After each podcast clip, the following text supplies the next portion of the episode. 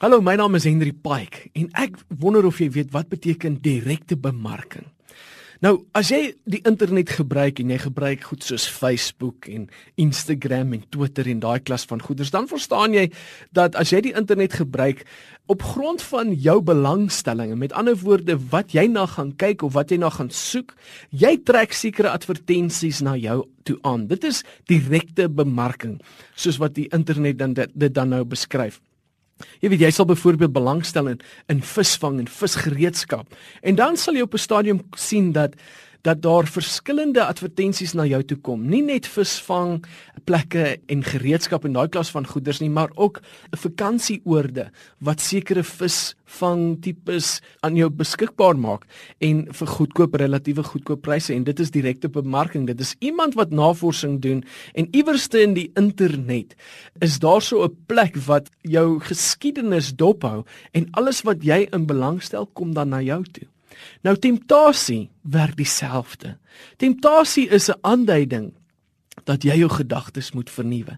Dat jou denke is nog gevalle en daar is nog steeds sekere elemente van jou gedagtespatrone wat nog nie proaktief is om beskikbaar te wees vir God en die koninkryk van God nie. So wat in jou gedagtes aangaan, trek ook soortgelyke dinge aan. Met ander woorde, as jy gereeld dink aan rebellie en jy's ontevrede en jou hart is bitter, dan gaan jy sien dat die mense om jou is ook in daardie selfde kategorie. Hulle is ook bitter, hulle is uitgesproke daaroor.